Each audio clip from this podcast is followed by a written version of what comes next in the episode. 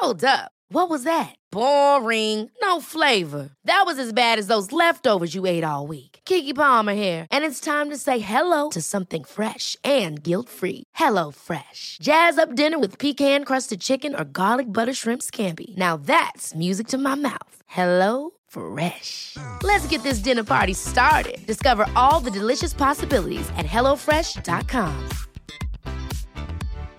One size fits all seemed like a good idea for clothes Nice dress. Uh, it's a it's a t-shirt. until you tried it on. Same goes for your healthcare. That's why United Healthcare offers a variety of flexible, budget friendly coverage for medical, vision, dental, and more. So, whether you're between jobs, coming off a parent's plan, or even missed open enrollment, you can find the plan that fits you best. Find out more about United Healthcare coverage at uh1.com. That's uh1.com. Many of us have those stubborn pounds that seem impossible to lose, no matter how good we eat or how hard we work out. My solution is PlushCare. PlushCare is a leading telehealth provider with doctors who are there for you day and night to partner with you in your weight loss journey. They can prescribe FDA-approved weight loss medications like Wagovi and Zepbound for those who qualify. Plus, they accept most insurance plans. To get started, visit plushcare.com slash weight loss. That's plushcare.com slash weight loss.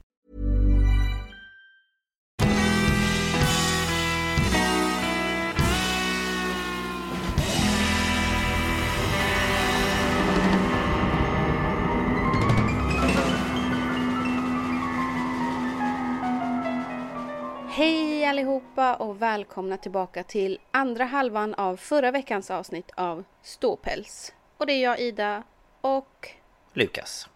Lukas. Ja, Hej! hej. Hur är läget?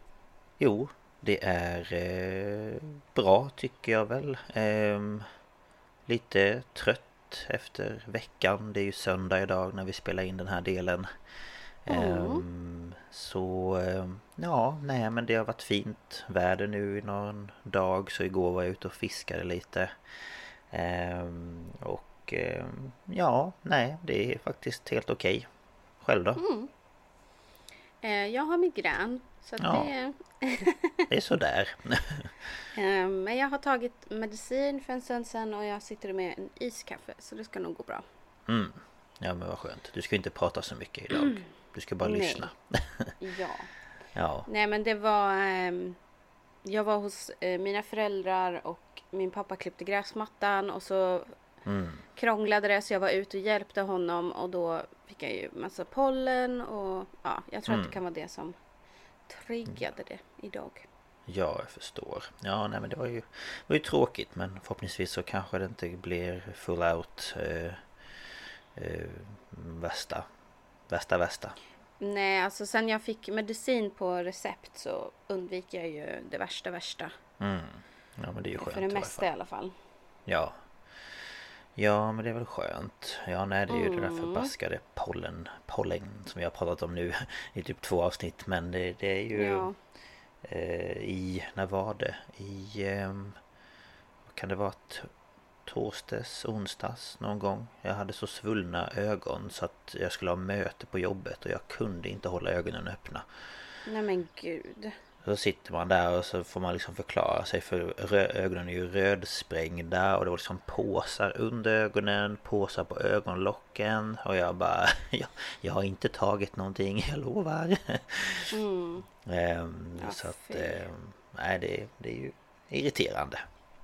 Ja, ja jag har ju såna här äh, små pipetter med bara Det är väl typ som koksalt som jag kan spola ögonen med liksom. Mm. Ehm, Ja, det så det skönt. kanske skulle vara någonting du skulle ha. Så Ja. du kan skölja ögonen.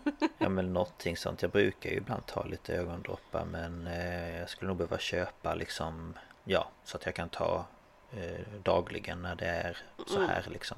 Mm. Eh, men ja, ja, så är det. Ja. Nej Mm. men alltså det här avsnittet ska ju vara din halva av farliga ämnen. Jag pratade ju om neurosedyn. Mhm. Eh, och då kom det lite saker emellan så vi valde att dela upp avsnittet som vi har gjort några gånger förut tror jag. Ja, i varje fall en eller två vad jag vet. Mm. Så eh, det är alltså Lukas del av farliga ämnen som kommer nu. Ja, och det kommer bli långt. Eh, Men, ja, eh, jag menar det, det känns inte som att det gör så mycket att det blev så här. Nej, jag tycker inte det. Ehm, och jag hoppas att ni ja, kommer tycka det är spännande. Ehm, Så att eh, vi ska väl kanske hoppa in i det. Ja, jag tänkte bara lite snabbt Mm. eh, hur fråga lyssnare, eh, Ja. våra lyssnare, hur de om de kanske gillar det här konceptet mer att vi har en person som pratar i veckan eller ska vi fortfarande ha våra superlånga avsnitt där båda pratar i samma avsnitt eller liksom Mm, jo, jag har också funderat på det. eh, Vad, vad ni som lyssnar tycker känns eh, eller är bäst om ni orkar lyssna på ett liksom ett och ett halvt timmes långt avsnitt eller om ni ja, vill ha fler avsnitt men att det bara är en som pratar. Ja, precis. Att vi liksom turas om då varannan vecka. Ja. Ehm, Så det kan ni ju om ni vill mejla oss eller skriva på Instagram så, så, ehm, så vore det kul att höra. ja, Ehm, verkligen lite feedback. För det annars, annars det man kan göra som nu, som säkert många redan gör, är att lyssna på en del i taget. Jo, såklart. Men, eh, det Men- kan kanske ändå kännas lite utmanande eller vad man ska säga och, och se att ett avsnitt är en timme och 40 minuter eller Ja men typ, ibland har det väl nästan varit närmare två. ja herregud. Ehm, ja, så att, Det är nästan som den här när man talar om trollen när de sitter och pratar om djävulen i tre timmar. Ja men lite så. Man bara japp, eh, okej. Nej men eh, ja för att eh, vi är, eh, vad heter det? Vi kan göra vad som helst i princip. Ehm, Mm. Och eh, ja, eh, kommer förslag helt enkelt. Ja, Yes. eh, det var bara det jag funderade på. Men ja, eh, ja, men jättebra. nu kan vi hoppa in i avsnittet. Ja, det gör vi så.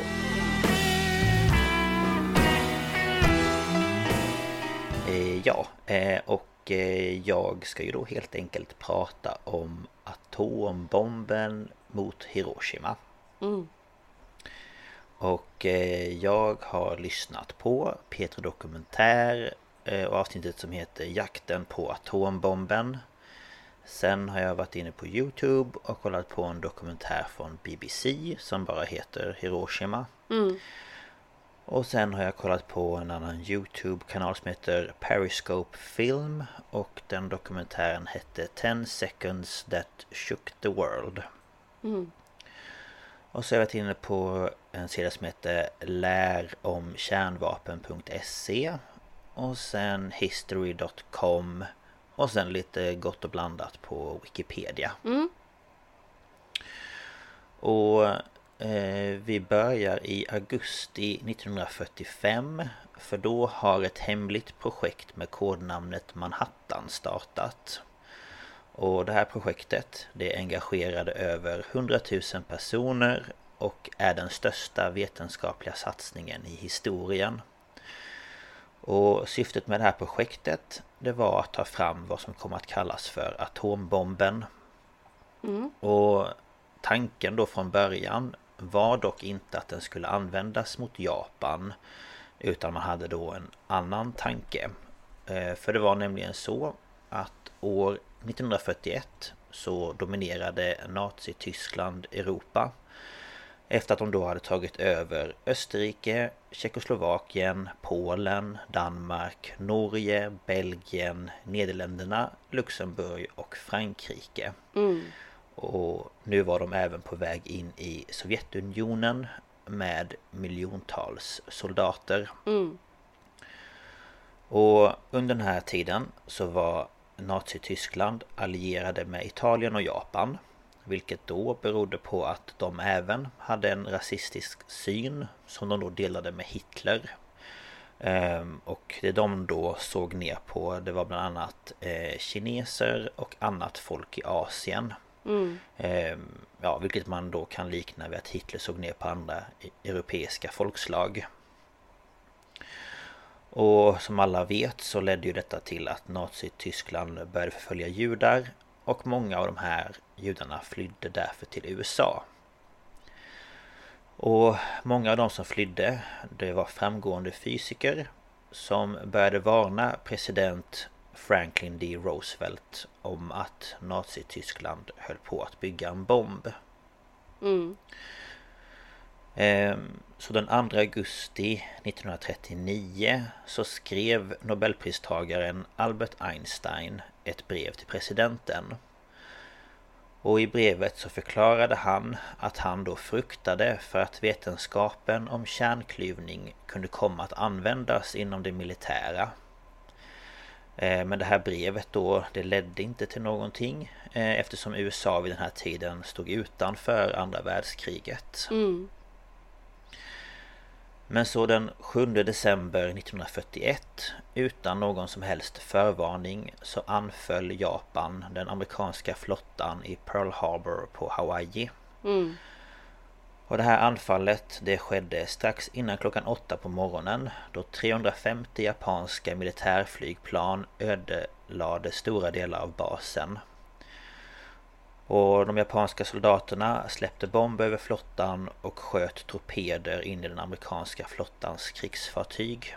Eh, och under den här attacken så dog cirka 2400 amerikanska soldater. Det är helt galet alltså. Ja. Och på tal om Pearl, Harbor, den där filmen tycker jag är så himla bra. Alltså den med eh, Josh Hartnett och... Jag har inte sett den på jättelänge men jag kommer ihåg sist jag såg den så grinade jag så mycket. Ja, ja, ja. Jag kan säga att det gör jag också.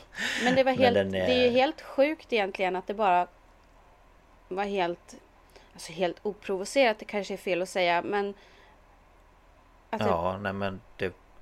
Ja, nej. att det inte var någon som helst liksom upptrappning. Eller förstår du vad jag menar? Nej, nej det är jättekonstigt. Nej, det var bara helt, helt plötsligt.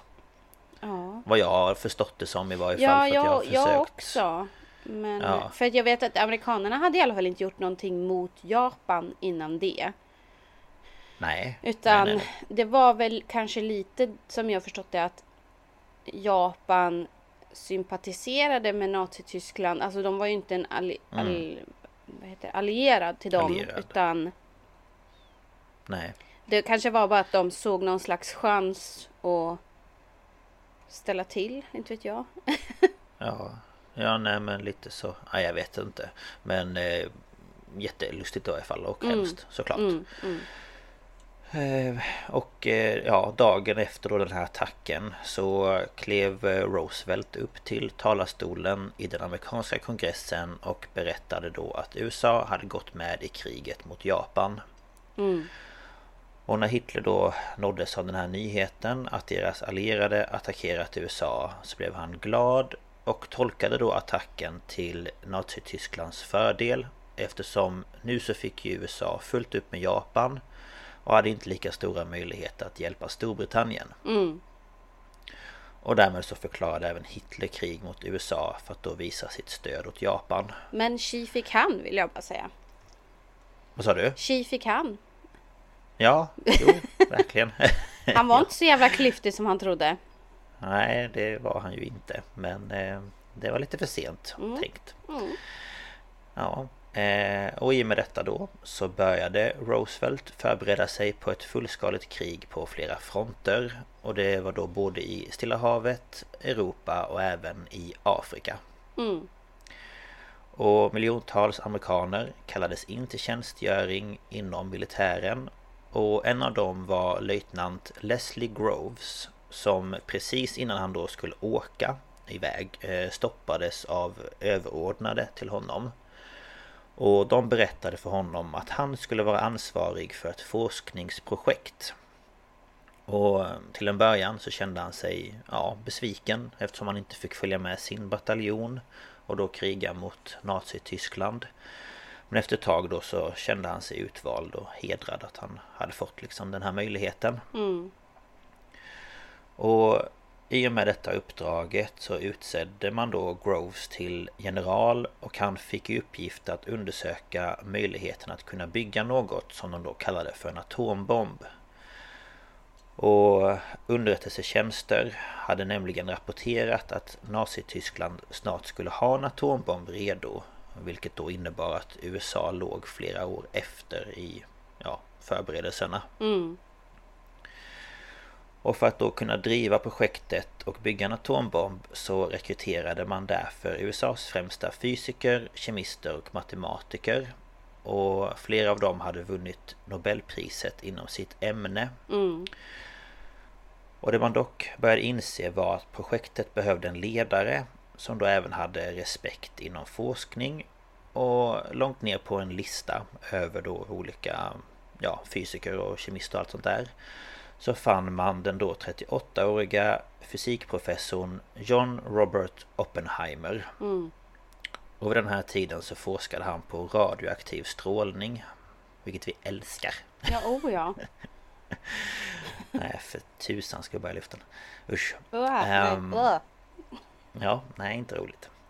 Eh, och Groves eh, sökte därför upp Oppenheimer på Barclays universitetsområde i San Francisco där då Groves berättade om projektet för honom. Mm. Och under mötet så ja, verkar väl han eh, gå med på att vara delaktig i detta. Och då berättar även Oppenheimer för Groves att han vill att de ska hålla projektet hemligt. Något som då Groves gillade och de kom då fram till att de ville hitta ett hemligt ställe att eh, ja, starta upp eh, det här projektet på. Och Groves och Oppenheimer de blev nu ledare för det här atombombsprojektet som kom att kallas Manhattan. Mm. Och anledningen till att det började, alltså det kallades det var för att eh, de första mötena hölls i New York. Mm.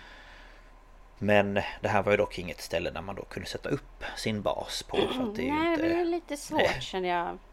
Ja, li lite så. Lite... Det är som lite trångbott.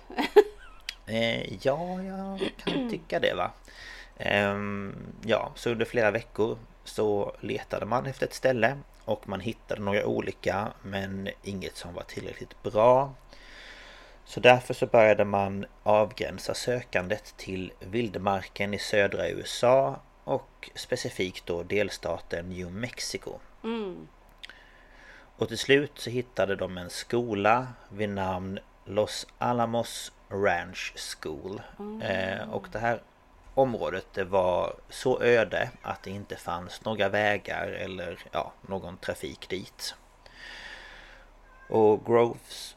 Här är en katt som pratar med dig. Ja, jag tänkte fråga, hör du honom? Ja, jag hör honom. Ja, Kommer han in och ska berätta. berätta saker? Ja. Jag bara hörde någonting och tänkte, är det ett barn? Nej, det kan det inte vara. det var han som kom in. Ja, förlåt. Ja, nej ingen fara. Ja, det fanns inga vägar dit i varje fall. Nej. Eh, Så de var ju då tvungna att ta sig fram på häst.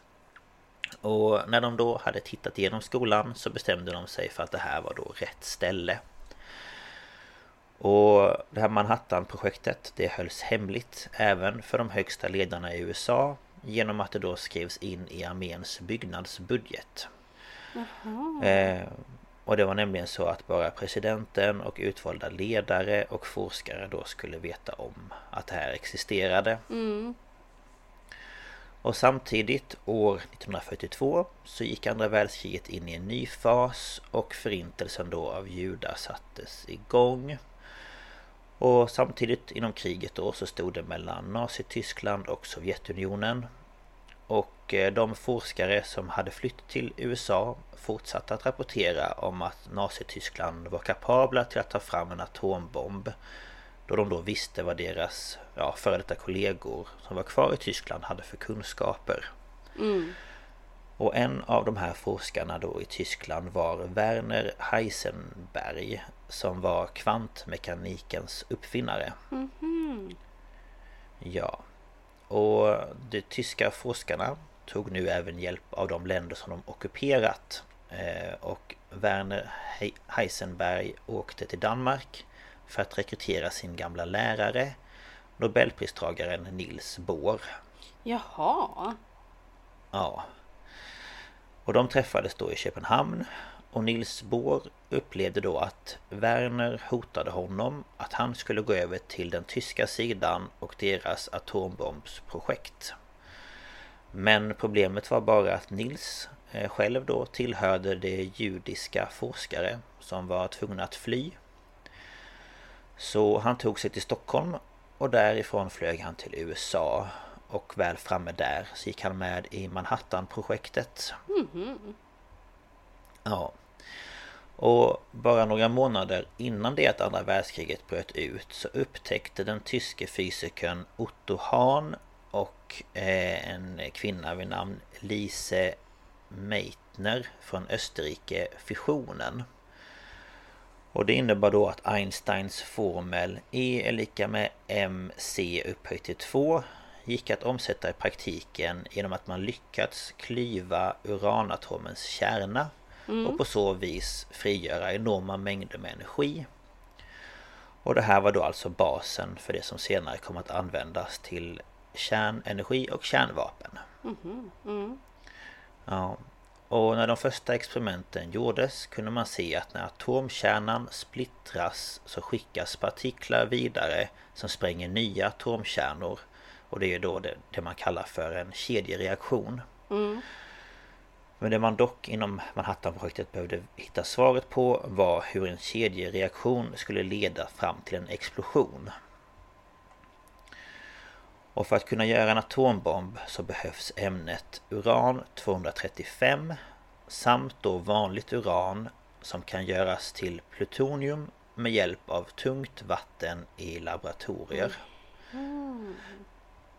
Ja, och man började då förbereda sig för två olika bomber och transporterna av eh, de här ämnena då till Los Alamos, de hölls hemliga.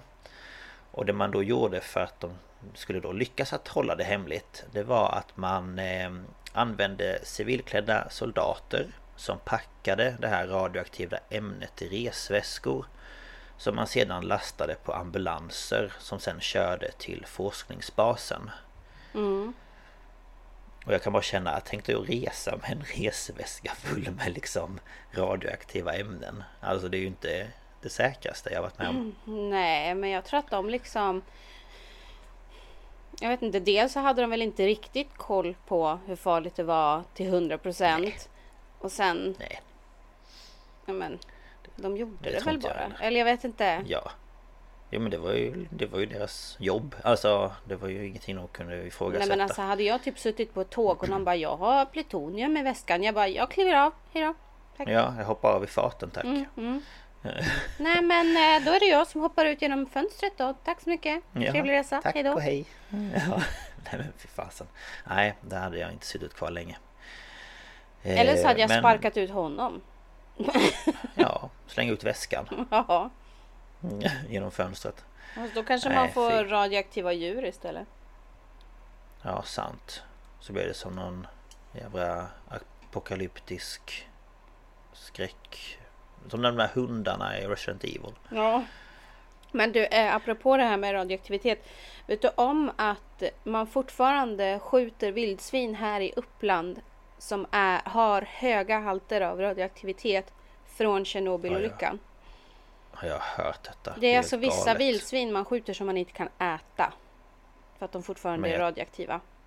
Ja, ja, det är helt sjukt Och det var ju länge sedan detta hände Mm.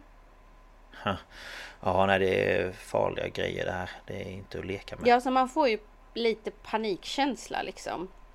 ja, Och ja, tänka ja. då att vi liksom använder det här mot varandra. Alltså, Ja Ja, nej det är helt jag kan galet. inte komma... Och att vi fortfarande håller på att hota varandra med det här. När vi vet vilka Nej. skador det gör. Alltså, Ja, man kanske skulle kunna tänka sig att folk skulle lära sig en läxa men om så är det nu inte. Gud finns så är det dags att utrota oss nu och börja om från början känner jag. Ja men lite så Bara säga adjö till alla och sen börja om från början Ja, Ja, nej det är helt sjukt Ja Men eh, ja Mm. Det forskarna behövde veta i varje fall Det var hur mycket av det här uran och plutonium Som då behövdes för att det skulle ske en kedjereaktion Mm. Och denna mängden då fick namnet den kritiska massan Mm. Och det man också behövde för att det skulle ske en explosion var att reaktionen skulle gå tillräckligt snabbt Annars skulle det bara bli varmt och inget mer skulle hända Mm.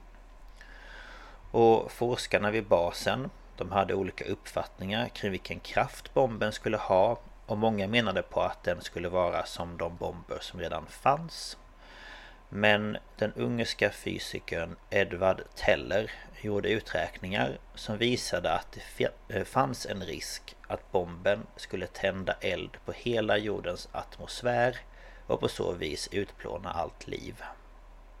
Alltså när man kommer till den punkten då kanske man ska tänka oj, då kanske vi inte ska fortsätta med det här. Nej, man kan ju tycka det. Men eh, nej, det gjorde de inte. Jag har, Eller, en, alltså, jag har en kommentar på bara hela det här och det är Mörka. Ja, verkligen Mörka. Nej men ja, alltså de nej. är ju...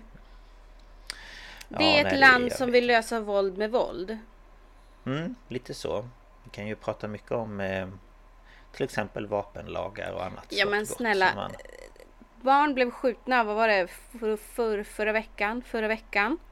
Mm. Och, och Iowa vill lösa problemet genom att tillåta att lärare bär vapen i skolan. Man bara, mm. men snälla, är det den vägen ni går? Mer vapen. Ja, ja, ja. Så barnen ska gå runt och veta att deras, eller Alltså liksom småbarn ska antingen se eller veta att deras lärare har vapen. Ja, för det kommer ju inte... Oh, för det skulle jag... Ja men alltså... Förstå om ett barn skulle liksom... Vad är det här fröken? Och så råkar de skjuta en kompis. Ja, det är väl trevligt. Nej, jag fattar Nej, inte. men då ska vi beväpna barnen så de kan försvara sig, eller vad? Alltså. Ja, då ska de skjuta varandra istället. Det blir jättebra. Nej, det är alltså, liksom alltså, genierna bara... som gav oss atombomben. Det är de genierna ja. vi har att göra med idag. Alltså. Ja, men lite så. Ja men alltså, nej jag vet inte. nej men alltså, man, det... oh, jag blir så trött. Ja. Men det var ju som, jag vet det, min fru berättade för mig i förrgår eller igår att Texas, där får man inte ha hur många, vad var det, dildos tror jag det var, mm. som helst. Man får inte ha mer än anses, sex stycken, eller vad var det? Ja, för att det anses som att ja, men du måste ju hålla på med någon typ av sex, eh, vet det, verksamhet. Ja. Men du får ha hur många vapen du vill. Ja, och du får, du får ha dem dolda också. Ja, man bara, fast vänta här nu lite. Ja men alltså prioriteringarna. Inte, ja, man bara inte en dildo lite, lite liksom eh, mindre farlig om man säger så än en pistol eller ett eh, liksom gevär eller nej nej nej. nej. Köp 50. Nej. Du kan väl hänga upp dem på väggen och dekorera julgranen med dem. Nej men alltså det Och det är liksom de, de, de människorna, alltså inte exakt de människorna men det, det folket som här nu också säger om vi råkar ha lite för mycket av det här då kommer vi bränna upp hela atmosfären och alla dör. Men vi fortsätter. Alltså. Mm. Ja, ja. Nej, men jag vet inte. Det. Ja. Oh, man blir trött. Ja. Jag brukar säga det, man blir matt Alltså folk måste allt. ju varit, alltid ha varit irriterade på hur dumma amerikanerna är. Ursäkta om ja, det är någon amerikan som lyssnar nu. Ja, nej men det... Ja, de, alltså, det som är roligt också med de här med vapenlagarna det är att de flesta amerikanare i liksom Amerika eller USA de vill ju att vapenlagarna ska ändras. Det är ju bara de här jävla inbitna uh, vad heter det, södermännen uh, som bara jag ska ha mina vapen. Ja visst är det främst södern som är liksom så här. Åh, det är i, i grundlagen att varje person ska ja, ha rätt att försvara sig. Ja. Ja, man bara jo fast den gjordes inte igår. Den gjordes för några hundra år sedan och den kanske inte funkar just nu. Nej men precis. Och det är liksom, jag får ju för mig att, att typ Texas och grannstaterna där, det är de som liksom... Ja men lite så. Och det är liksom de här sen, sena, senat, senatorerna, vet mm. du Senat, ja de vill ju inte rösta för att de vill ju inte förlora sin makt. Nej precis. Man bara, ja fast din makt eller liv, vad är viktigast? Makt? Ja. Jo men, ja, nej. Ja, nej. Nog om det. Det kan man störa ihjäl sig på. Men... Ähm, ja, den här basen i varje fall vid Los Alamos den växte och blev större och större med tiden. Och fler och fler forskare och anhöriga kom till platsen. Och arbetet med atombomberna som då skulle få namnen Fat Man och Little Boy fortsatte. Mm. Och år 1944 så var bomberna nästan klara men jakten på uran 235 och plutonium var fortfarande ett faktum. Mm. För att då utvinna plutonium behövs som sagt tungt vatten som då tyskarna fick från en fabrik i Norge. Och den här anläggningen försökte då norska motståndare och britter vid två tillfällen förstöra genom att de sprängde den inifrån. Men eh, ja, de byggde upp fabriken igen och mm. fortsatte att utvinna. Ehm, och samtidigt så planerade då Groves att på något sätt få bort Werner Heisenberg från Nazityskland. Och för att hitta rätt person för jobbet så tar sig då Groves till eh, OSS, vilket står för The Office for Strategic Services. Och det är idag det som är CIA helt enkelt. Mm -hmm. Ja, och han ville ha någon då som kunde döda honom. Eh, alltså Heisenberg då. När han kommer in. Till... Är det någon här som kan döda mig? Ja, precis. Kan någon döda mig? Nej, men döda... ja. Och till en början så var det då prat om att man skulle kidnappa Heisenberg och ta honom till USA.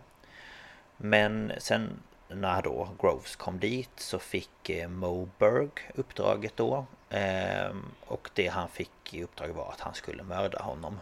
Mm. Och Mo han fick därför en revolver och Groves och Mo fick reda på att Heisenberg skulle hålla ett tal i Schweiz. Eh, så de fixade därför så att Mo då skulle vara i publiken när talet skulle hållas.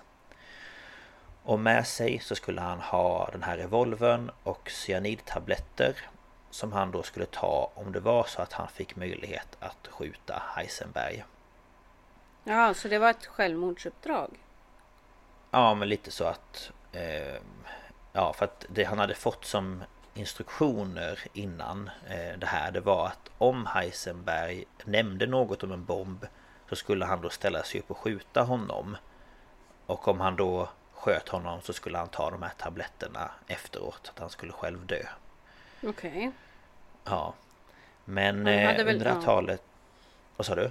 Nej jag tänkte bara, alltså, han står ju där med ett vapen. Han kan ju skjuta sig själv. Men så kom jag på att man kan ju faktiskt överleva det.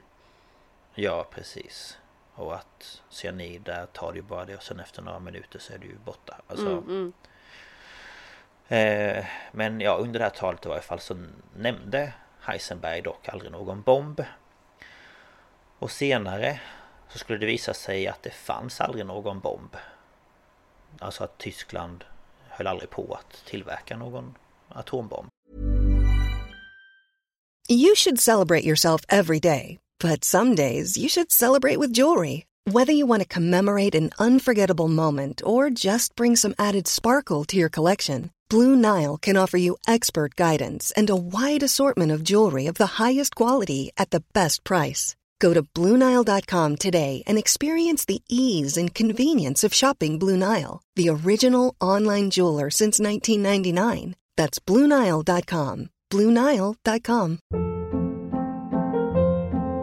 Hold up. What was that? Boring. No flavor. That was as bad as those leftovers you ate all week. Kiki Palmer here, and it's time to say hello to something fresh and guilt-free. Hello Fresh. Jazz up dinner with pecan-crusted chicken or garlic butter shrimp scampi. Now that's music to my mouth. Hello Fresh. Let's get this dinner party started. Discover all the delicious possibilities at hellofresh.com.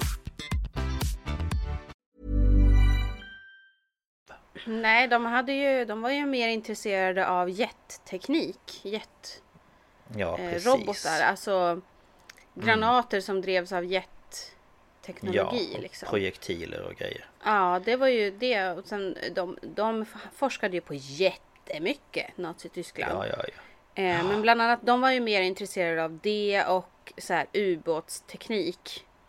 Precis.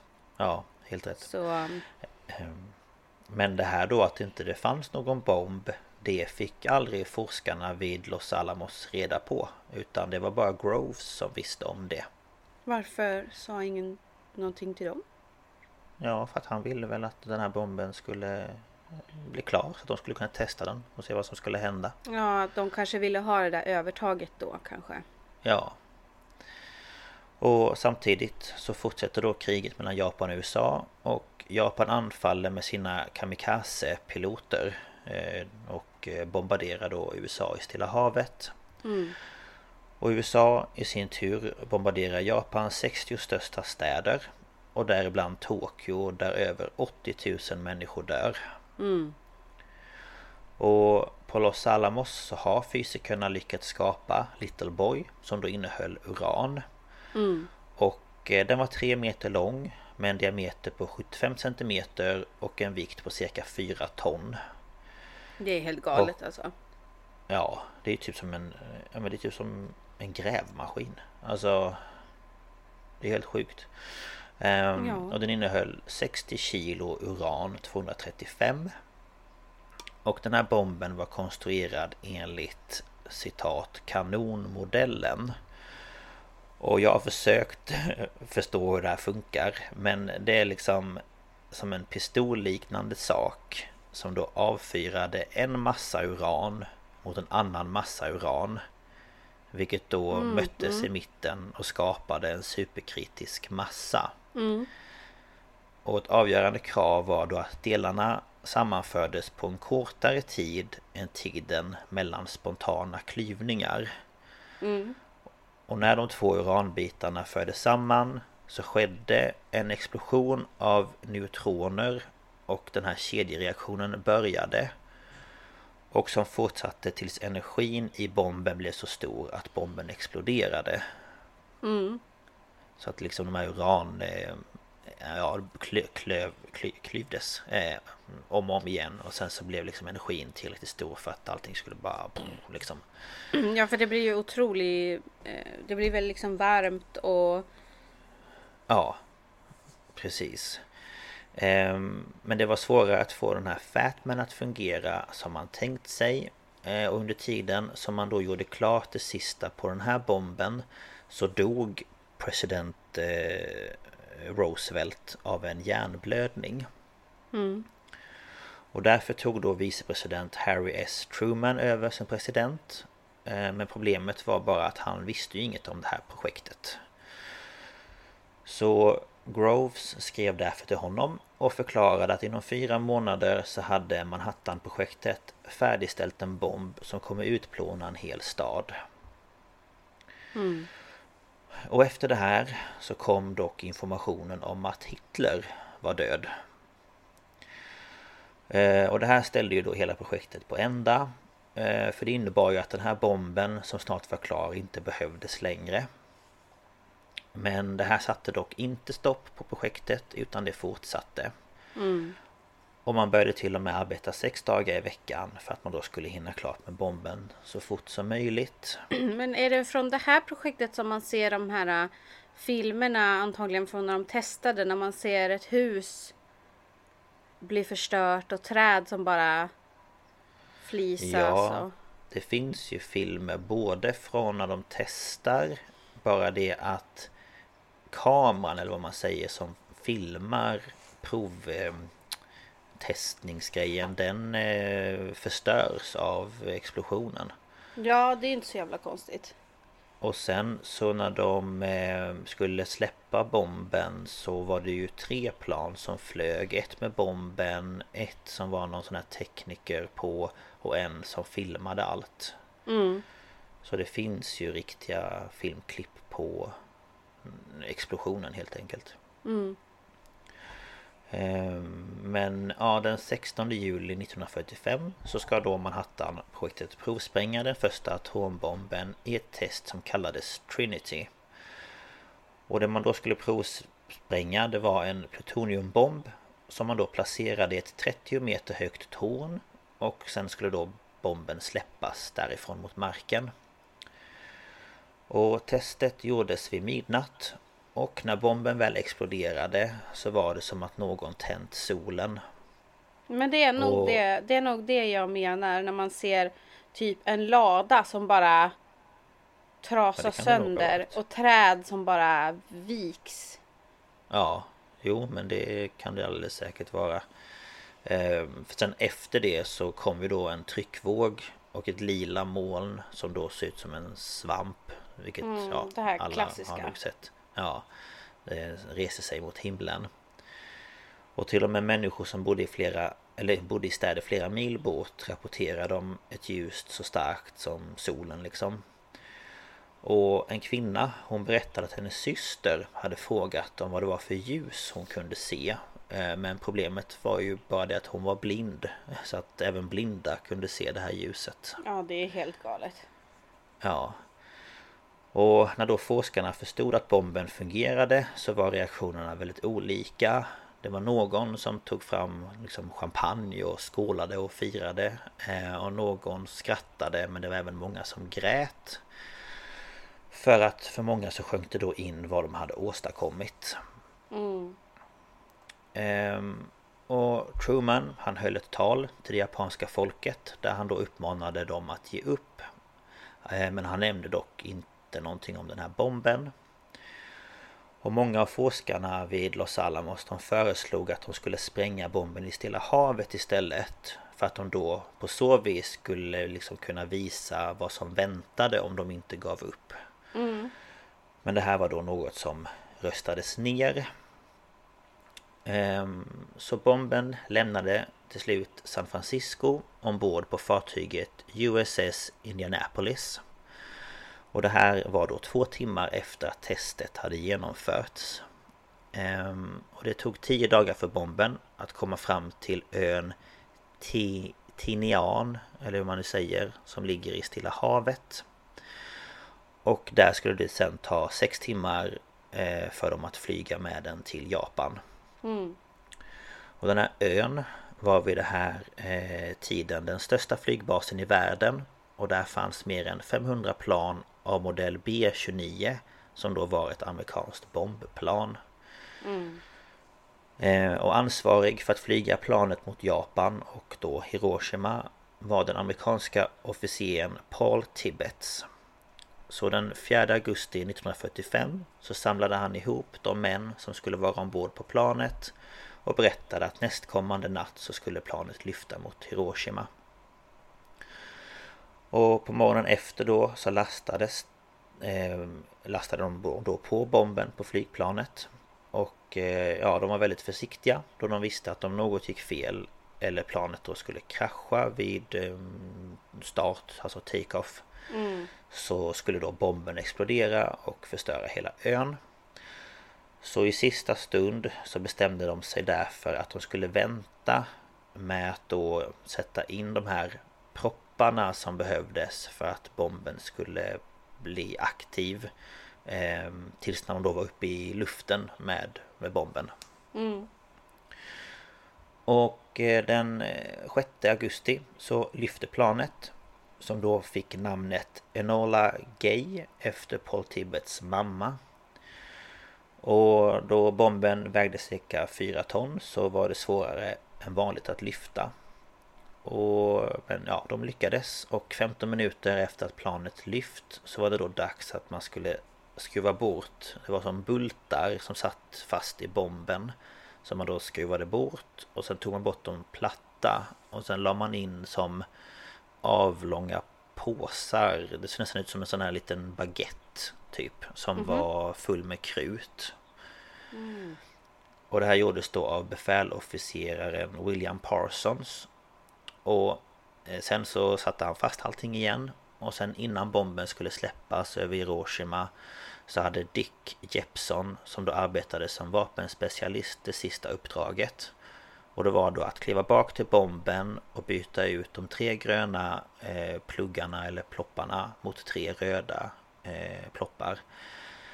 Och det här gjorde då att bomben blev aktiv och kunde explodera. Mm. Och Dick han blev ju då den sista att någonsin röra bomben. Och det i en dokumentär så säger han att jag förstod inte det då men i efterhand så förstod jag ju att så var ju fallet liksom. Ja men det är väl klart att de inte tänkte på det då. De följde ju liksom bara order. Ja. Men alltså, att han ändå så Och de är, ju inte, de är ju inte kunniga inom Nej. det där. Alltså. Nej. Det var ju ja, en var... bomb för dem liksom. Jo men precis. Men det var väl mer bara det att han liksom insåg att Oj, jag var liksom den sista som rörde den här bomben som mm. orsakade så mycket skada liksom. Mm. Ehm, men innan då eh, det här planet då, Enola Gay eh, flög Alltså så var det ett annat plan som skulle flyga lite före för att då kolla hur väderförhållandet var För att de ville gärna att det skulle vara eh, så fritt. Alltså det skulle inte vara massa moln och grejer. Mm. Och det här satte då därför igång flyglarmet i Hiroshima. Vilket i sin tur gjorde att många människor sökte då skydd då de trodde att det kunde vara någon som skulle anfalla. Mm. Men efter 30 minuter så meddelade man att faran var över och alla gick då tillbaka till sitt. Men eh, klockan kvart över åtta på morgonen så låg planet på 10 000 meters höjd över Hiroshima. Och det var då som man släppte bomben. Mm. Och den föll i 45 sekunder innan den detonerade 500 meter ovanför marken. Och det första som hände det var att explosionen gav ifrån sig ett extremt vitt ljus. Vilket ja, var förväntat. Eh, och sen gav bomben ifrån sig en extrem hetta. Och precis där bomben exploderade blev det 4000 grader Celsius. Alltså det går inte att ta in. Nej. Och det här resulterade i att människor förvandlades till kol när deras organ kokade sönder. Mm. Och människors skuggor etsade sig fast i sten och metall och det finns än idag en sten där siluetten av en människa är kvar. Ja, man har ju sett bilder. Alltså det är... Det är helt galet. Ja. Ehm, och inte nog med det här då så frisläpptes enorma mängder med radioaktiv strålning som både då dödade människor på en gång och som gav skador som till exempel inre blödningar. Mm.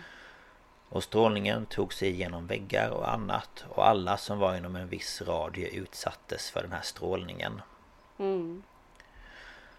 Och några sekunder efter att bomben exploderat så bildades ett stort svampliknande moln på himlen och en tryckvåg eh, färdades med ljusets hastighet och förstörde allt i sin väg.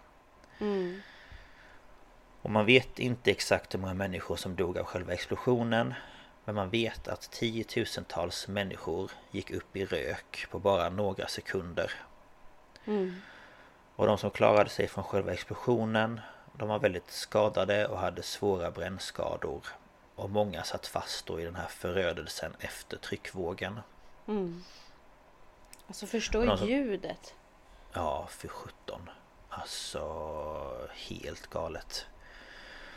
Och de som då överlevde explosionen De var desperata efter vatten Eftersom de var ju brännskadade och törstiga och smutsiga och allt möjligt Och de sökte sig då till en flod som var Eller som då mm, flöt igenom Hiroshima Till olika sjöar och till reservoarer för att då kyla ner sig men problemet var ju bara det att fler och fler människor sökte sig dit och människor som liksom kom dit de la sig på varandra Vilket då resulterade i att de som låg underst de drunknade ju för att De fick ju ingen luft och ja Mm. så och plötsligt så började det då regna Och det regnade då svarta regndroppar som då föll från himlen Och eftersom människor var så eh, desperata efter vatten så började man ju då ja, men öppna munnen och dricka det här regnet. Och regnet innehöll aska och rök. Eh, och de var så stora att det liksom gjorde ont att få dem på, på huden. Och det man då inte visste det var att regnet var ju såklart radioaktivt. Och det kom att då förgifta flera tusen människor. Mm. Och information om att bomben över Hiroshima släppts eh, nådde president Truman senare samma dag. Och han meddelade att bomben som släpptes hade kraften av 20 000 ton dynamit. Och att staden hade blivit totalförstörd. Mm. Och han gick även ut i nyheterna och sa att om inte Japan drog sig tillbaka så skulle de få se något som aldrig tidigare skådats. Mm. Så den 7 augusti så kom den ja- japanska militären till Hiroshima och började då rädda människor som överlevt. Och eh, de som redan var döda, de brände man för att man då inte ville att sjukdomar skulle börja spridas. Och de som då var skadade fördes till olika sjukhus för att få hjälp. Och tre dagar efter bomben släpptes i Hiroshima så hade Japan ännu inte gett upp. Och den amerikanska militären på ön Tinian, eller hur man uttalar det, gjorde därför den andra bomben redo och Truman gick ut med en till varning. Och där varnade han då om att om de inte gav upp så skulle fler bomber släppas över andra städer. Mm. Och då Japan ändå inte gav upp så lastades då den andra bomben på ett till plan av modell B-29 och lyfte mot Japan den 9 augusti 1945. Är det den här, det var den här uh, Little Boy som man släppte först? Ja, och det här är då nu, Fatman. Är den större? Ju, ja, och den var ju gjord av plutonium, mm. inte uran. Mm.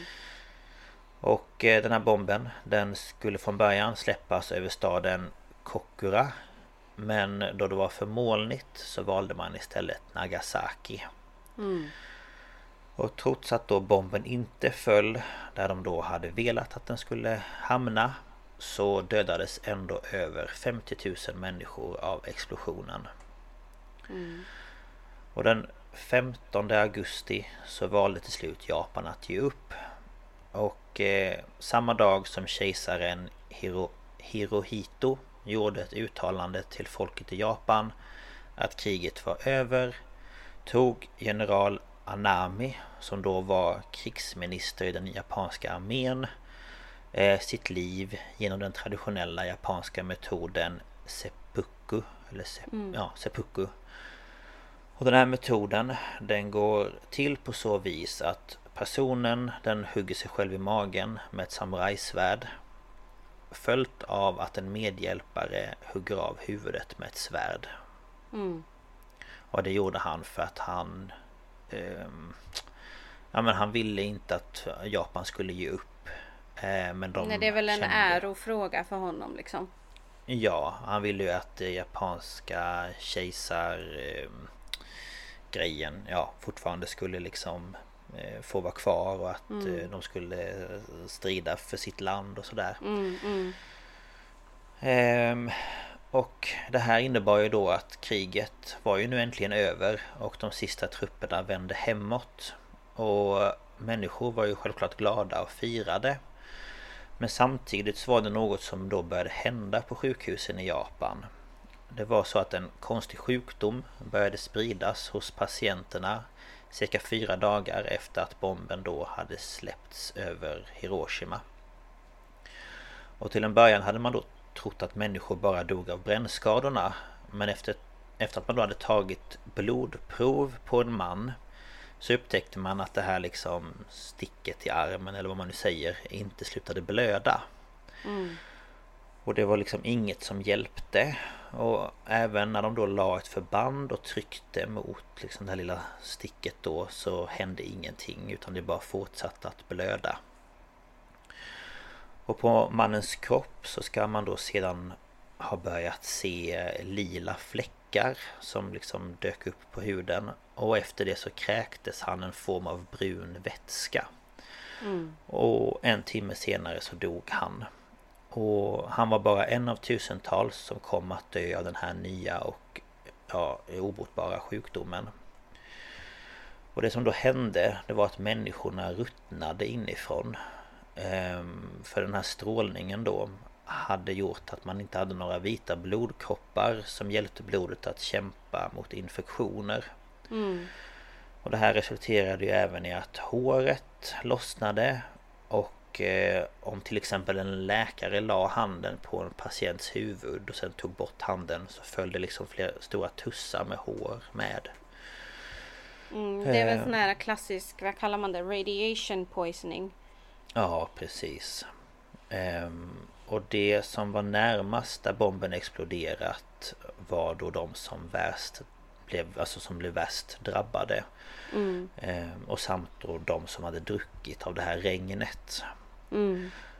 Och efteråt så har man då förstått att det var strålningen som orsakade detta Men där och då hade man ju såklart ingen aning Och det som forskare och tillverk som då tillverkade bomberna visste eh, Det var ju att in, de här bomberna innehöll strålning Men effekten av det hela chockade även dem mm.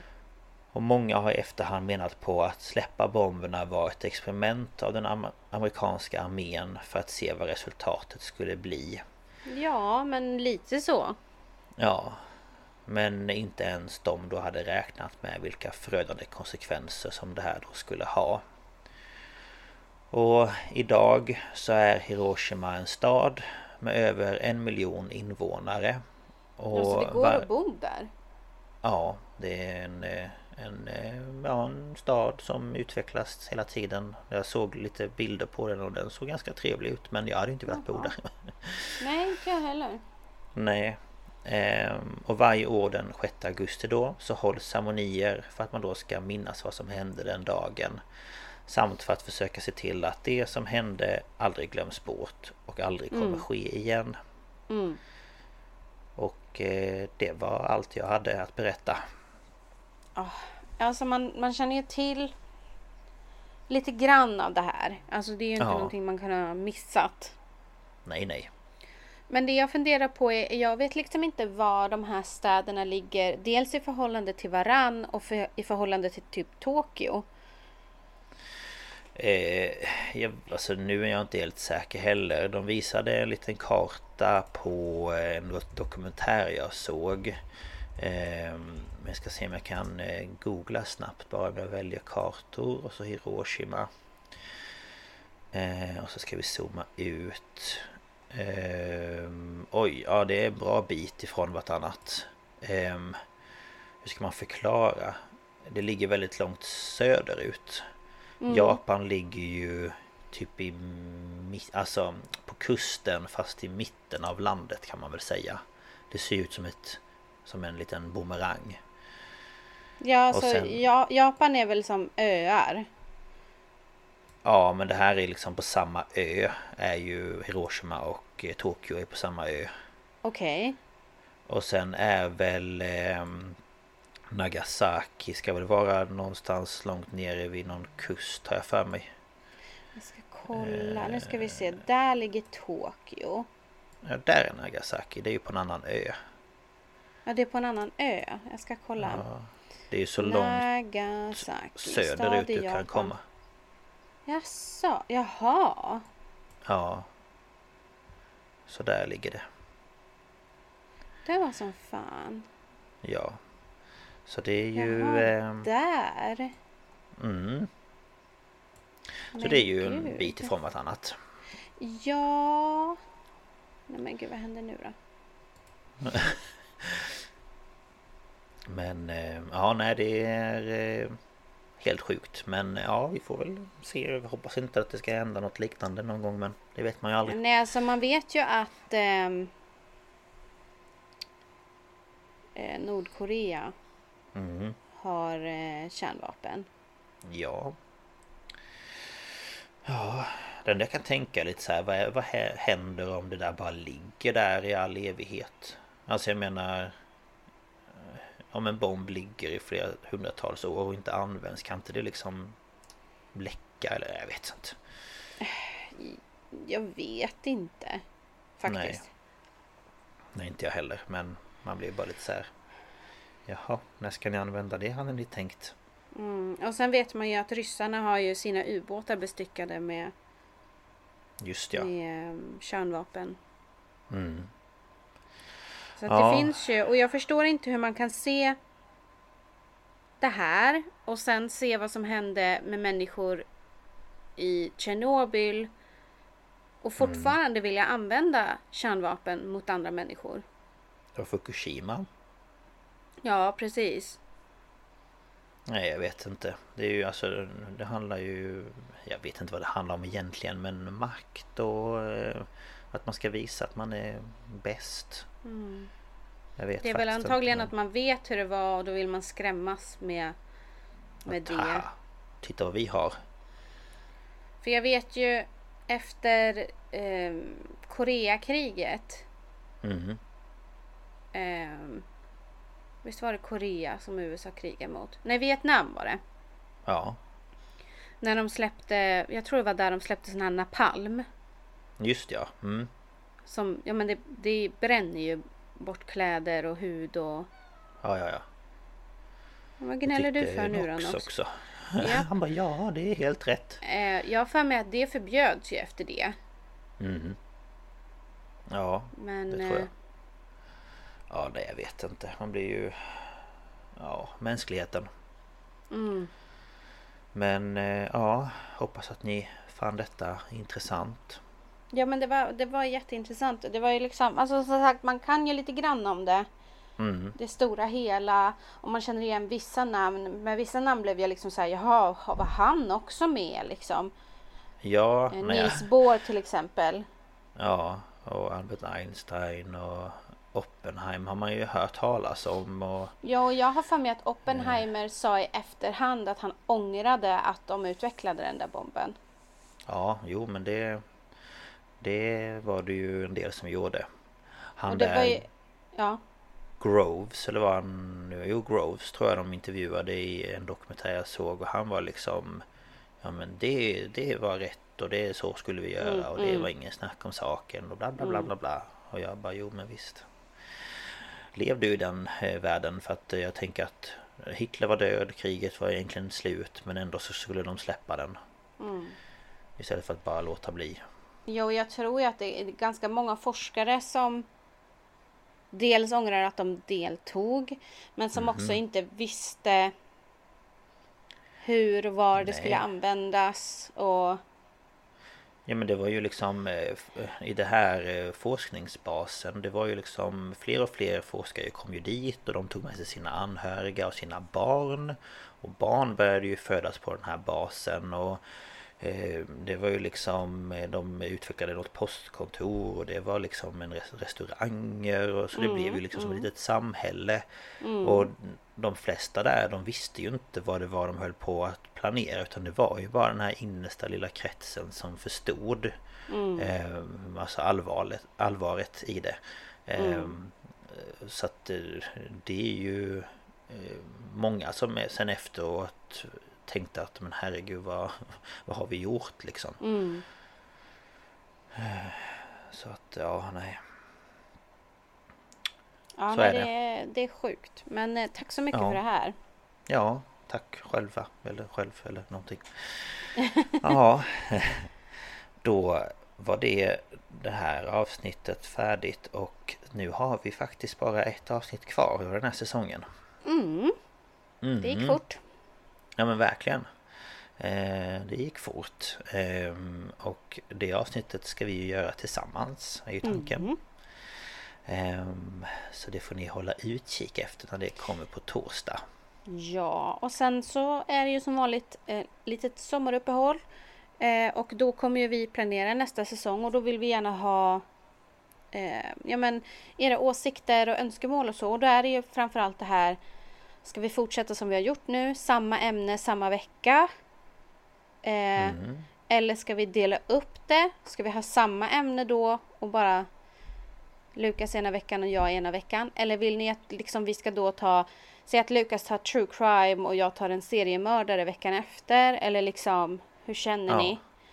Eh, så det är önskemål och tankar på det och sen också då ja men ämnen eller fall eller så. Ja, Eh, och då kan ni ju antingen mejla oss på ståupphalspodcast.gmail.com eller skriva till oss på Instagram på ståupphalspodcast. Eh, så, um, ja, så att vi får lite, lite feedback på hur ni känner liksom. Vi har ju bara Precis. kört på som vi har gjort nu. Vad är det? det är väl säsong fem nu eller? ja det är säsong fem. Så att ehm, ja. Men ja, för det vi kan känna är väl att avsnitten blir väldigt långa. Eh, Mm. Och det är väl främst det som vi tänker att om det är det, om, ja, om ni har åsikter kring det att ni vill att de ska vara kortare och att det ska komma ut liksom eh, olika ämnen och ja sådär så att eh, Mm. skriv gärna. Eh, Men eh, ja, tack för det här avsnittet. ja, tack så Eh, mycket. Och att ni har lyssnat. Så får ni ha det så bra. Mm-mm. Och så hörs vi på torsdag. Det gör vi. Hej då! Hej då!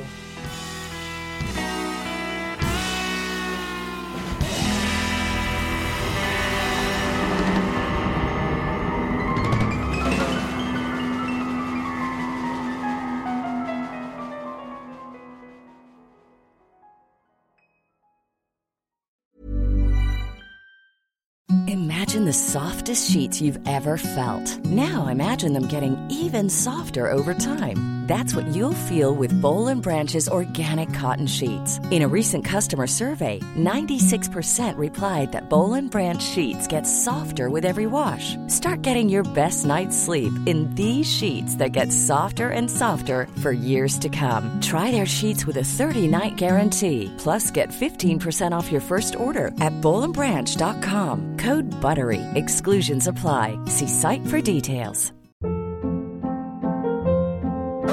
Hold up. What was that? Boring. No flavor. That was as bad as those leftovers you ate all week. Kiki Palmer here, and it's time to say hello to something fresh and guilt-free. Hello Fresh. Jazz up dinner with pecan-crusted chicken or garlic butter shrimp scampi. Now that's music to my mouth. Hello Fresh. Let's get this dinner party started. Discover all the delicious possibilities at hellofresh.com. When you make decisions for your company, you look for the no brainers. And if you have a lot of mailing to do, stamps.com is the ultimate no brainer. It streamlines your processes to make your business more efficient, which makes you less busy. Mail checks, invoices, legal documents, and everything you need to keep your business running with stamps.com. Seamlessly connect with every major marketplace and shopping cart. Schedule package pickups and see your cheapest and fastest shipping options from different carriers with rates up to 89% off USPS and UPS rates. And with the stamps.com mobile app, you can take care of mailing and shipping wherever you are. Make the same no-brainer decision as over 1 million other businesses with stamps.com. Sign up with code program for a 4-week trial plus free postage and a free digital scale. No long-term commitments or contracts. That's stamps.com. Code program.